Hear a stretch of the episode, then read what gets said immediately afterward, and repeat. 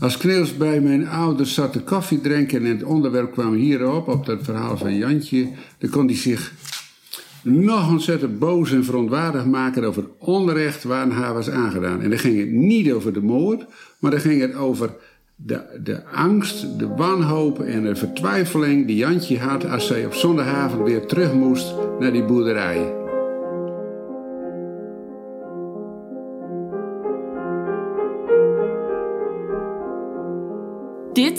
Is de Groninger Gifmoord. Een podcast over de zoektocht naar het nimmer opgeloste motief achter een bizarre, maar waar gebeurde vergiftigingszaak op het Groninger platteland. Over het leven van het 19-jarige dienstmeisje Jantje van der Veen. Waarom zwijgt men in het dorp over haar? Wat weet het dorp dat de kranten nooit heeft bereikt? In deze aflevering nemen we je mee naar de maand augustus van het jaar 1906 naar de boerderij van de familie Huisman aan de Grauwedijk 12 in Overschild. Dit is aflevering 1, met een snuifje rattenkruid en groeten van Jantje.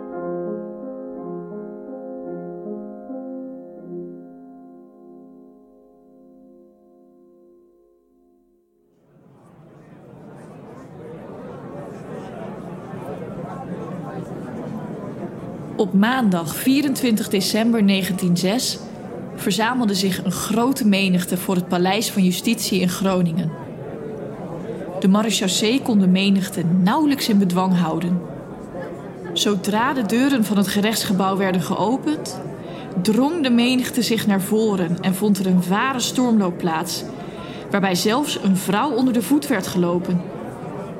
Ieder beschikbaar plekje was binnen een mum van tijd bezet en de rechtszaal bleek veel te klein om alle belangstellenden te herbergen. Vele nieuwsgierigen werden teleurgesteld en moesten buiten wachten. De zaal was bijna niet tot rust te brengen en bij aanvang van de zitting kostte het de rechter de nodige moeite om de aanwezigen tot stilte te manen. Op deze maandagochtend deed de rechtbank uitspraak over een bijzondere rechtszaak. Een moordzaak die de gemoederen in Temboer en omgeving in heftige beroering had gebracht.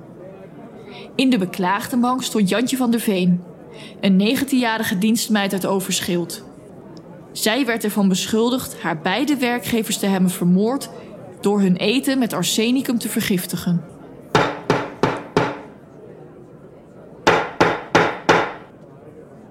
Overwegende dat de bewezen verklaarde feiten rechtens moeten worden gekwalificeerd als twee misdrijven van doodslag, verklaarde rechtbank Jantje van der Veen schuldig en veroordeelt haar tot een gevangenisstraf voor de tijd van 15 jaren.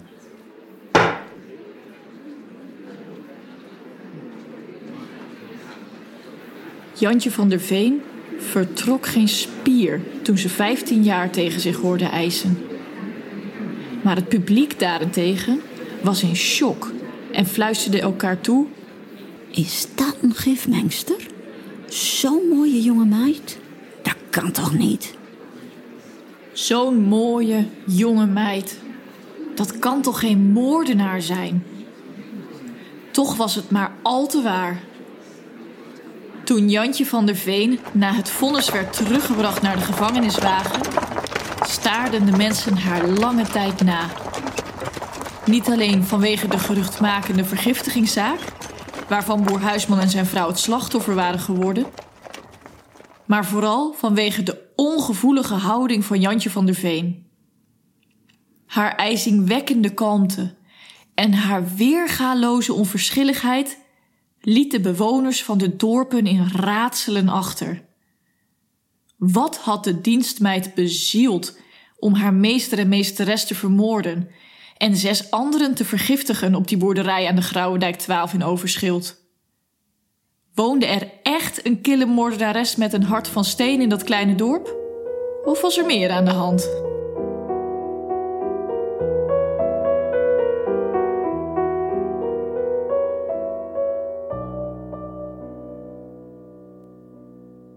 Zeg Jo, dit is 115 jaar geleden gebeurd.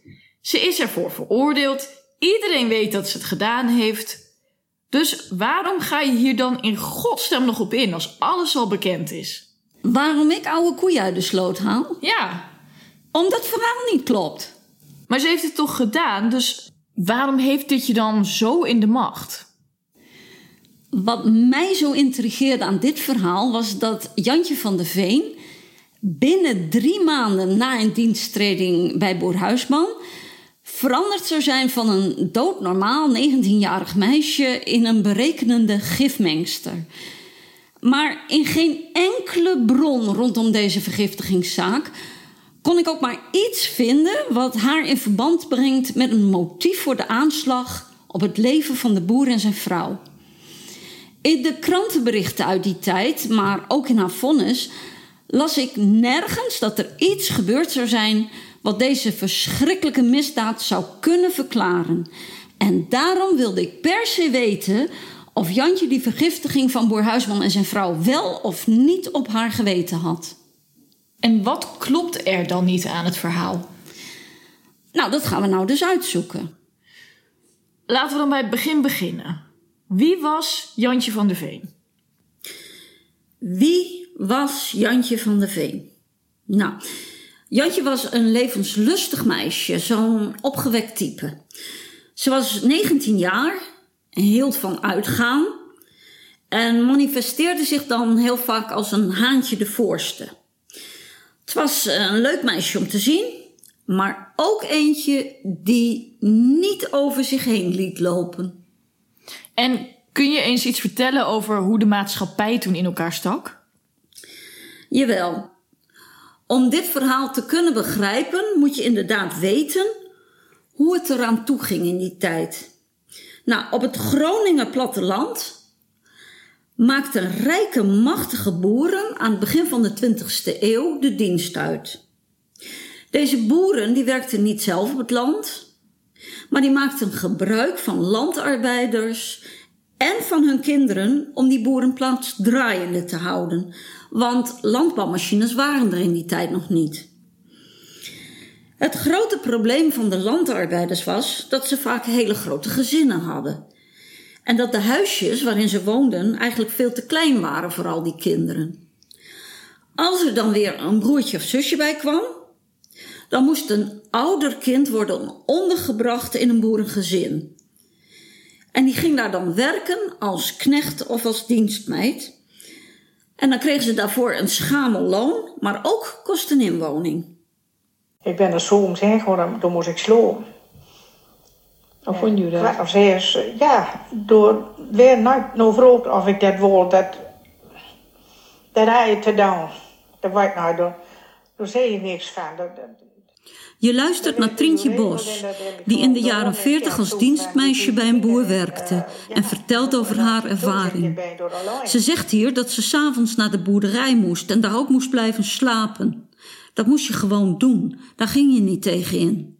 En soms dan zat ik toen alleen in die keuken. In de kamer was geen kachel. Maar in die keuken daar zat ik alleen. S'avonds zat ze alleen in de keuken, want in haar slaapkamertje was geen kachel. Het was koud in de keuken vanwege een stenen vloer. Soms mocht ik niet meer dan 12 aardkolen in kachel doen. S'avonds mochten er maar twaalf eierkolen in de kachel. Maar ze had het zo koud dat ze er nog wat eierkolen bij had gegooid. Maar voordat de boer en de boerin gingen slapen, wilden ze controleren of de kachel wel koud was. Ze riepen haar uit bed en ze moest eierkolen tellen, want er lagen er meer in dan twaalf. Ik moest aardkolen tellen, want er lagen meer in dan 12. Ja, dat was ook zo. Ik had er nog schepje bij opgehoord.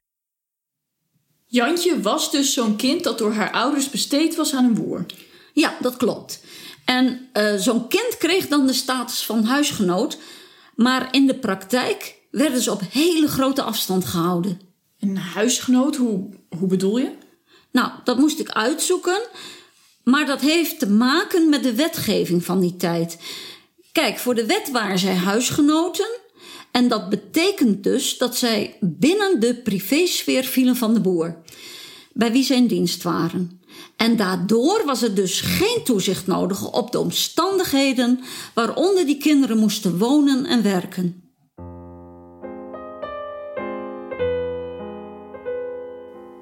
De kinderen die door hun ouders werden besteed aan een boer, waren vaak nog maar heel jong, soms nog maar 12 of 13 jaar oud. Vader of moeder kon langsgaan bij de bodembesteder. Deze man bemiddelde tussen rijke boerinnen en meisjes of meiden die werk zochten. Voor elke meid kreeg hij een gulden. Zodra een kind besteed was, woonde het nooit meer thuis. Die kinderen waren eens in de twee weken op zondag vrij. En dan bezochten ze hun ouders. En op zondagavond gingen ze weer terug naar de boerderij. Een bestedingscontract werd afgesloten voor een jaar en kon tussentijds niet zomaar beëindigd worden. Een dienstmeid of een knecht kon niet zomaar ontslag nemen. Daar moest een boer toestemming voor geven. In zo'n geval ontvingen ze ook geen loon, want dat werd pas aan het einde van het contractjaar uitbetaald. Soms werd een kind niet goed behandeld door de boer voor wie hij werkte. De ouders van die kinderen konden dan niet veel doen, want die waren voor hun inkomen afhankelijk van diezelfde boeren. Wie waren dan eigenlijk die huisgenoten van Jantje? Nou, dat waren in eerste instantie de boer, Wigge Jacob Huisman, en zijn vrouw Grietje Jans Alkema. Maar tegelijkertijd met Jantje van der Veen op 12 mei 1906 kwam Alje van Bruggen als vaste knecht in dienst van boer Huisman. Een knecht die sliep doorgaans in de schuur bij de koeien en een dienstmeisje die sliep op het meidenkamertje bij de keuken. En wat was dan de rol of wat was de taak van Jantje? Nou, Jantje had als taak om de koeien te melken. En ze had als taak om de maaltijden te bereiden voor haar huisgenoten en voor het personeel dat tussen de middag op de boerderij kwam eten.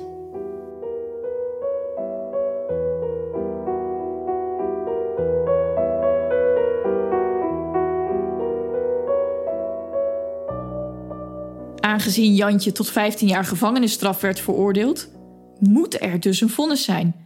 En oude vonnissen worden bewaard in de Groninger archieven. We willen met eigen ogen zien wat er zich in de maand augustus heeft afgespeeld aan de Grauwerdijk 12 in Overschild.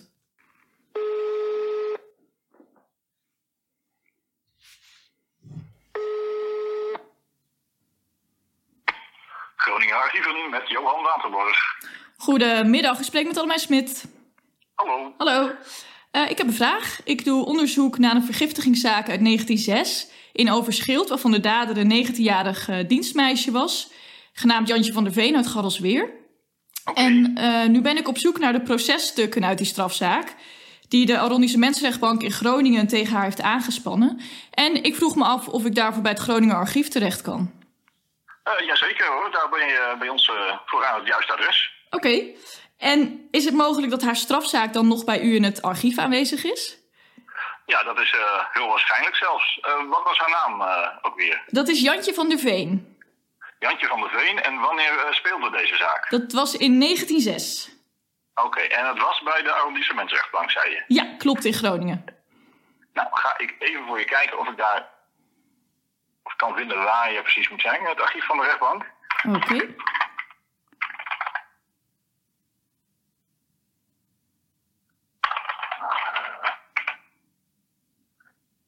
Ja. Nou, dan wil je eigenlijk graag het vonnis zien uh, van deze, uit deze zaak. En die vonnissen uit 1906 die hebben we. Die zitten in het archief van de arrondissementsrechtbank. Oké. Okay. Dan is het alleen nog uh, de zaak om het juiste vonnis te vinden. Weet je misschien een rolnummer van deze strafzaak? Uh, nee, die weet ik niet. Nee. Nou, dat geeft helemaal niks. Dat kunnen, kunnen we ook opzoeken. wat ik dan voor je kan doen is de dossiers, alle dossiers die op deze zaak betrekking hebben voor je aanvragen. Oké. Okay. En uh, dan kun je zelf het rolnummer opzoeken. En met dat rolnummer kun je dan weer het juiste vonnis vinden. De volgende ochtend gaan we al vroeg op pad richting Groningen. Want er ligt voor meer dan 100 jaar aan Groninger vonnissen op ons te wachten. En dan maar hopen dat die van Jantje ertussen zit. Het vonnis in de strafzaak tegen Jantje van der Veen blijkt in het dossier met inventarisnummer 284 te zitten. En als we het vonnis openslaan, is er een kleine tegenslag. Het vonnis bestaat uit 18 handgeschreven pagina's tekst, die niet in duidelijkheid uitblinken. Maar alles wendt, dus ook een handgeschreven vonnis. Na flink wat gepuzzel krijgen we voor het eerst een duidelijk beeld van wat er zich precies heeft afgespeeld in de week van de moord. Aan de hand van 13 getuigenverhoren en 5 deskundige verklaringen zetten we de gebeurtenissen van dag tot dag en van uur tot uur in de juiste chronologische volgorde.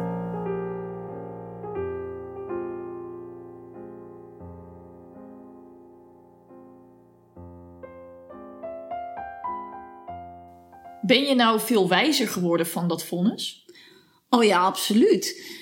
Kijk, het doel van deze podcast is om een antwoord te vinden op de vraag of Jantje op 15 en 16 augustus 1906 rattenkruid door het eten van de boer en de boerin heeft geroerd. En zo ja, waarom? Het vonnis was de meest betrouwbare bron om goed helder te krijgen wat er zich in de week van 15 tot en met 22 augustus 1906 nou precies heeft afgespeeld op die boerderij. Op basis van verklaringen van familie, getuigen en getuigendeskundigen zijn haar rechters destijds tot het oordeel gekomen dat zij schuldig was aan de dood van boer Huisman en zijn vrouw. En ik ben best bereid te geloven dat Jantje de boer en zijn vrouw inderdaad heeft vergiftigd. Maar daar hoort dan wel een geloofwaardig motief en een overtuigend bewijs bij. En naar mijn bescheiden mening zijn deze beide aspecten in het vonnis onvoldoende onderbouwd. En heb je dan wel aanknopingspunten voor de motief in het vonnis kunnen vinden?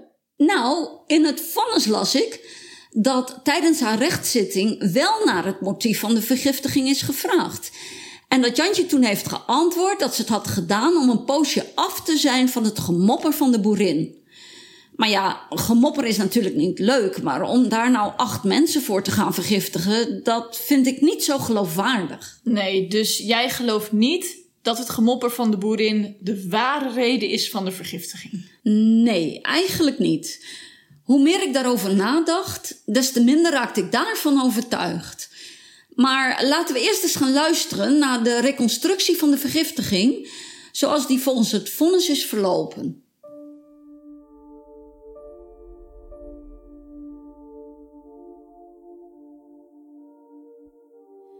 Het verhaal begint op 15 augustus 1906. Op die kwade woensdagmorgen verrichtte Jantje wat opruimwerkzaamheden in de woonkamer van de boerderij. De boerin was naar Den Haag vertrokken voor een kort familiebezoek, maar zou die avond weer thuiskomen. Tijdens het opruimen vond Jantje de bril van boer Huisman en wat chalotten op de tafel in de huiskamer. Ze nam de chalotten en liep ermee naar een kamer aan de oostelijke kant van de boerderij bij de schuur, waar ze de chalotten wilde opbergen in een lade van de tafel. Terwijl ze de lade van die tafel opende, werden haar ogen getrokken naar een plat blikken doosje. Op dat doosje stond vergif en in dat doosje zat een opgevouwen pakje van grauw papier met een hoeveelheid wit poeder. Zwaar vergif, las Jantje op het grauw papier en nog iets. Maar dat woord kende Jantje toen nog niet. Jantje was er in elk geval van overtuigd dat het witte poeder rattenkruid was. In de loop van die morgen keerde Jantje terug naar die bewuste kamer. Maar ze had nu een kopje bij zich. Ze schonk het witte poeder over in dat kopje en het lege grauw papier vulde ze weer aan met een gelijke hoeveelheid meel. Daarna legde ze het doosje weer in de lade van de tafel. Ze ging terug naar de keuken en daar maakte ze de maaltijd voor boer Huisman klaar. Ze kookte aardappelen en smolt boter. Toen roerde ze een derde deel van het witte poeder door de gesmolten boter en bracht de maaltijd naar boer Huisman. Nou, je raadt het al. Korte tijd later werd de dokter Willem Redingius uit den Boer erbij gehaald en op basis van de verschijnselen constateerde de dokter een acute buikgriep.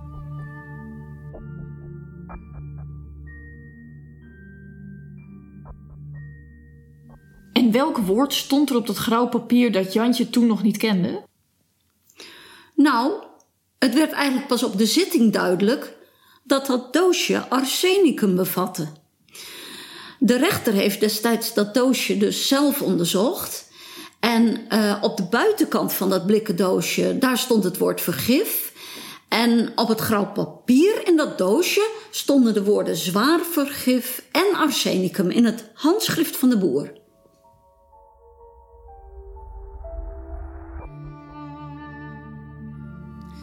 De volgende morgen trof Jantje de boerin al heel vroeg in de keuken aan.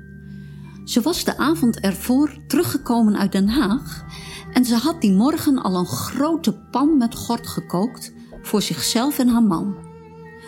Toen de boerin even uit het zicht was, strooide Jantje de rest van het witte poeder over de gekookte gort.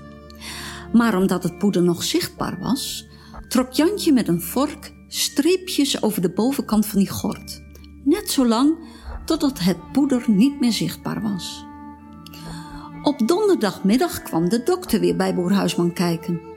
Maar er waren geen verbeteringen opgetreden. Op donderdagavond nam de boerin voor zichzelf een lepel van de gekookte gort en goot er melk bij. Maar deze melkengort viel schijnbaar niet goed, want al snel na het eten van deze pap zag men haar buiten hevig brakend bij een boom staan.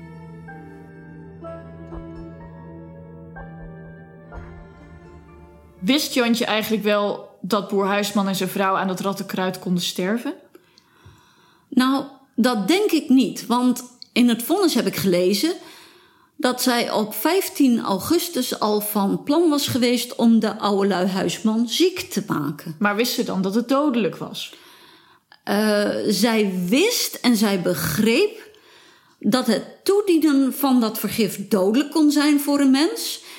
Maar zij heeft dus nooit de gedachte gehad om die oude lui Huisman dood te willen maken.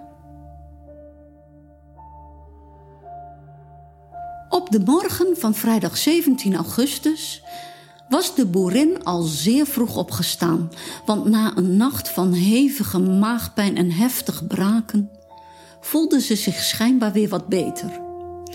Toen Jantje in de keuken kwam, vertelde ze dat ze alweer een bordje melkengort had genomen. En Jantje zag dat er ook al een pan met watergruwel op de keukenkachel stond.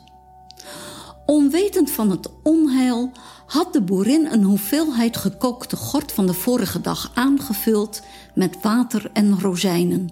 En deze brei had ze op de keukenkachel gezet, zodat het langzaam kon garen. Maar niet lang daarna voelde de boerin zich weer ziek worden.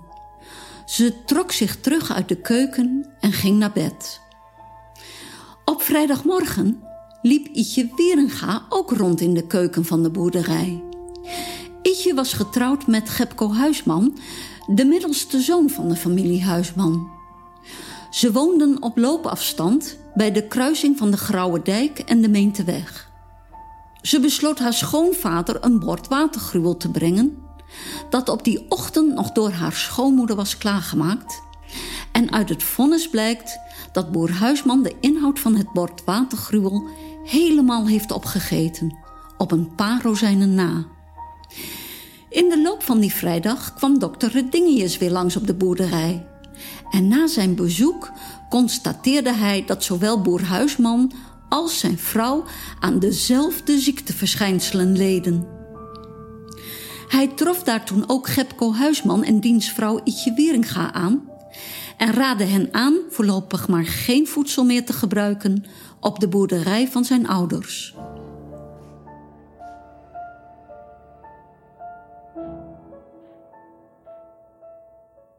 Wist die dokter Dingetjes toen eigenlijk al dat er iets mis was met het eten?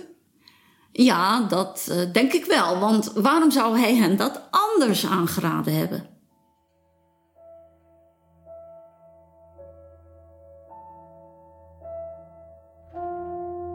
Op zaterdag trad er ook geen enkele verbetering op in de situatie van boer Huisman en zijn vrouw. Want zij vertoonden nog steeds dezelfde symptomen en leden veel pijn. Vooral veel pijn in de maagstreek en in de benen. Het ging helemaal niet de goede kant op. De volgende dag, op zondag 19 augustus, kwamen Gepko Huisman, zijn vrouw Ietje Wieringa en Jan Jacob Huisman, de oudste zoon van de familie Huisman, op ziekenbezoek bij hun ouders. Ze zouden met z'n drieën het middagmaal gebruiken in de etenskamer van de boerderij. Die bewuste zondag maakte Jantje het middagmaal klaar, daarbij geholpen door Ietje Wieringa. De maaltijd bestond uit aardappelen met vlees, rijst, rabarber, watergruwel en vis. Direct na de maaltijd bracht Ietje Wieringa de overgebleven etenswaren naar de keuken en zei tegen Jantje dat ze het restant van de watergruwel en van de rabarber wel mocht nemen. Maar Jantje zei, nee dankjewel, ik ben al dik zat. Wat zoiets betekent als dat ze al genoeg had gehad. Een kwartier na het eten voelden Jan-Jacob Huisman en Ietje Wieringa zich heel erg ziek worden. Ze liepen naar buiten om te braken, maar Gepko Huisman mankeerde niks. Hij had als enige niet van de watergruwel gegeten. In de loop van die zondag kwam dokter Redingius weer langs op de boerderij om te kijken hoe het met zijn beide patiënten ging. Maar de symptomen bleven onveranderd. Hij kreeg nu ook Ietje Wieringa en Jan-Jacob Huisman onder behandeling. En hij constateerde bij hen ook diezelfde verschijnselen. En kwam tot de conclusie dat de vergiftiging in het spel was, al dus zijn latere deskundigenverklaring. Gepko Huisman liet daarop een zode met braaksel van zijn vrouw en een zode met braaksel van zijn broer uit het gras spitten. Deze braaksels deed hij in twee flessen en deze flessen deed hij in een kistje, die hij later ter beschikking stelde van de rechtercommissaris van strafzaken in Groningen. Op zondagavond zat Grietje Doornbos, die op de boerderij huishoudelijke diensten verrichtte, een poosje aan het bed van boer Huisman en zijn vrouw. Grietje Doornbos verklaarde op de rechtszitting dat zij Jantje van de Veen toen heeft horen zeggen of het ook in de gort kon zitten. We zijn aangekomen op maandag 20 augustus 1906. Die dag voelde Jantje van der Veen zich niet goed. Ze had het benauwd en daarom ging ze weer naar bed. Toen dokter Redingius weer op de boerderij kwam om te kijken naar de toestand van boer Huisman en zijn vrouw, trof hij ook Jantje van der Veen hevig klagend op de boerderij aan. Volgens dokter Redingius klaagde ze over hoofdpijn en buikpijn. Maar hij vond het, met het oog op haar houding, niet nodig haar te onderzoeken.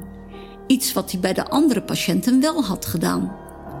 Hij was van mening dat ze last had van praatjes.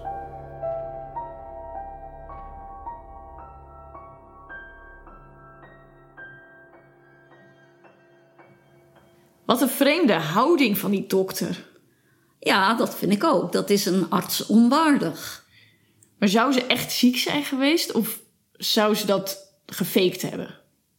Nou, dat weet ik niet. Misschien had ze wel last van stress.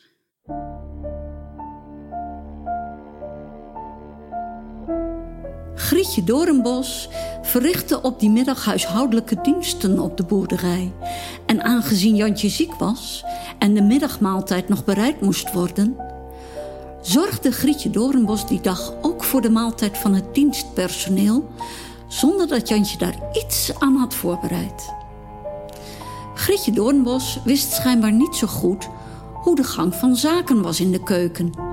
En daarom haalde ze alle ongekookte gort die er nog was uit het vaatje in de kelder. Om twaalf uur kwamen de personeelsleden van het land en ieder nam van de door Grietje Doornbos bereide gortenbrei. En niemand werd er ziek van.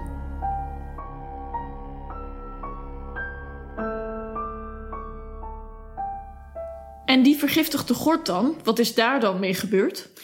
Nou, die vergiftigde gort, die werd dus op dinsdag gebruikt om uh, er karnemelkenbrei voor het personeel van te maken. En voor mij is dit dus het absolute dieptepunt van die bewuste week. Op dinsdagmorgen stond Jantje weer in de keuken van de boerderij. Ze had opdracht gekregen van de boerin om die dag brekenbonen met karnemelk en brei, een mengsel van gort en karnemelk, als middagmaal te maken. Als er niet meer genoeg gare gort was, zo had de boerin gezegd, dan moest ze de gekookte gort van die afgelopen donderdag maar aanvullen met wat ongekookte gort uit het vaatje in de kelder. Jantje wilde gort uit de kelder halen, maar het vaatje was leeg. Ze wilde het personeel niet opzettelijk ziek maken en daarom schepte ze de bovenste laag van de gekookte gort af en gooide het in de gracht van de boerderij. Ze zette de bonen en de gekookte met water verdunde gort op het vuur. Op hetzelfde moment hoorde ze Gepko Huisman door een kier van de keukendeur tegen zijn zuster zeggen dat hij de zaak niet vertrouwde en dat zij, zoals dokter Redingius ook al had gezegd, maar niet meer op de boerderij moest eten, maar dit moest komen doen bij hem thuis aan de Meenteweg. Jantje kreeg het Spaans benauwd. Enige ogenblikken later meldde ze zich ziek bij de zuster van Gepko en vertrok naar haar ouders in Garrelsweer. In het vonnis las ik dat ze bang was geworden dat de oude huisman zouden sterven en haar geweten was een rol gaan spelen. En wie kookte er op dinsdag dan? Nou, luister maar.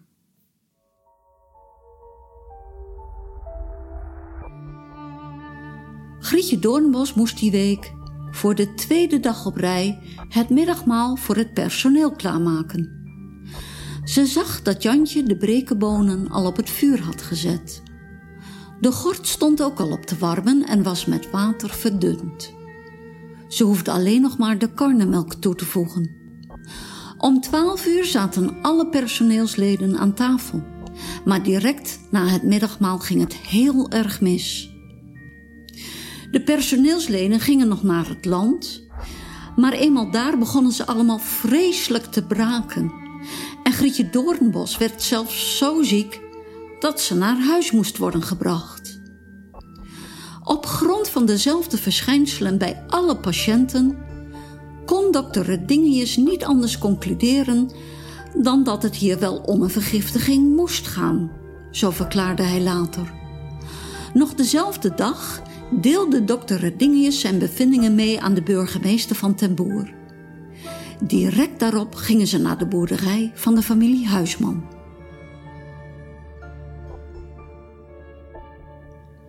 Dus als ik het goed begrijp, dan hadden die dokter Redingius en die Gepko Huisman al lang in de gaten dat er iets mis was met het eten op de boerderij.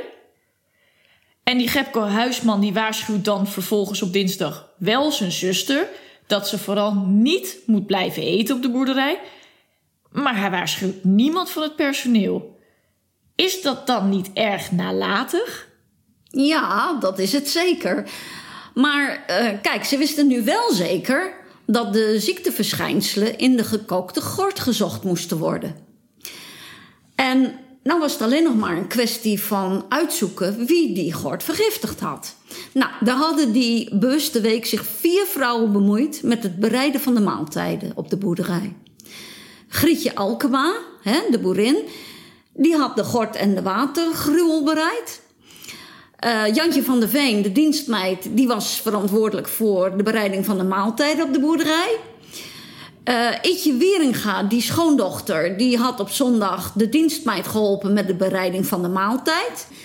En Grietje Doornbos, de huishoudelijke hulp, die had op maandag en dinsdag het eten bereid voor de leden van het personeel. Nou, ik neem aan dat Jantje van der Veen de schuld kreeg. Ja, daar heb je helemaal gelijk in.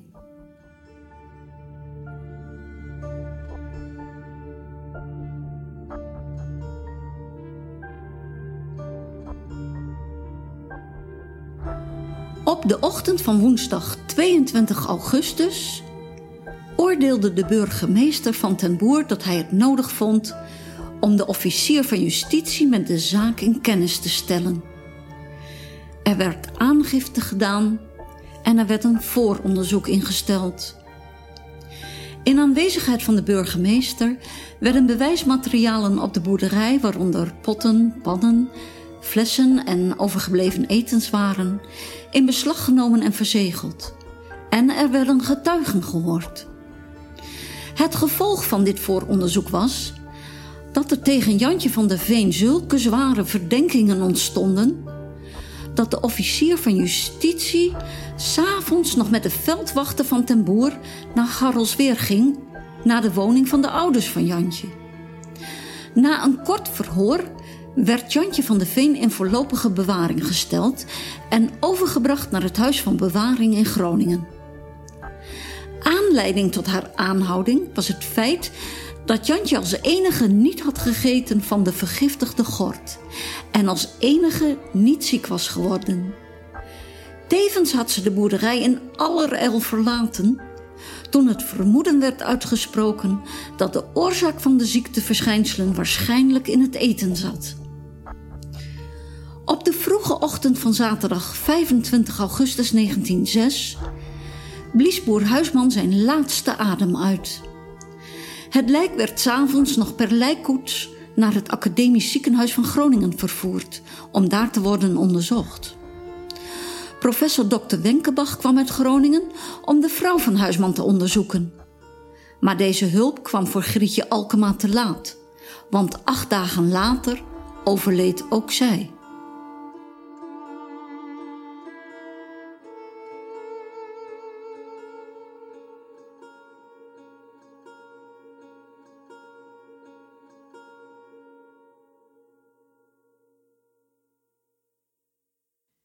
Het verhaal dat je net hoorde, is het verhaal dat is gebaseerd op de feiten uit het vonnis dat we in de Groninger archieven aantroffen. Maar komt dit verhaal eigenlijk wel overeen met wat er werkelijk is gebeurd?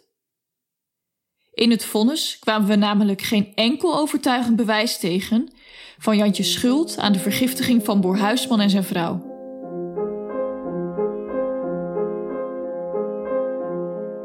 Dit was aflevering 1 van de Groninger Gifmoord.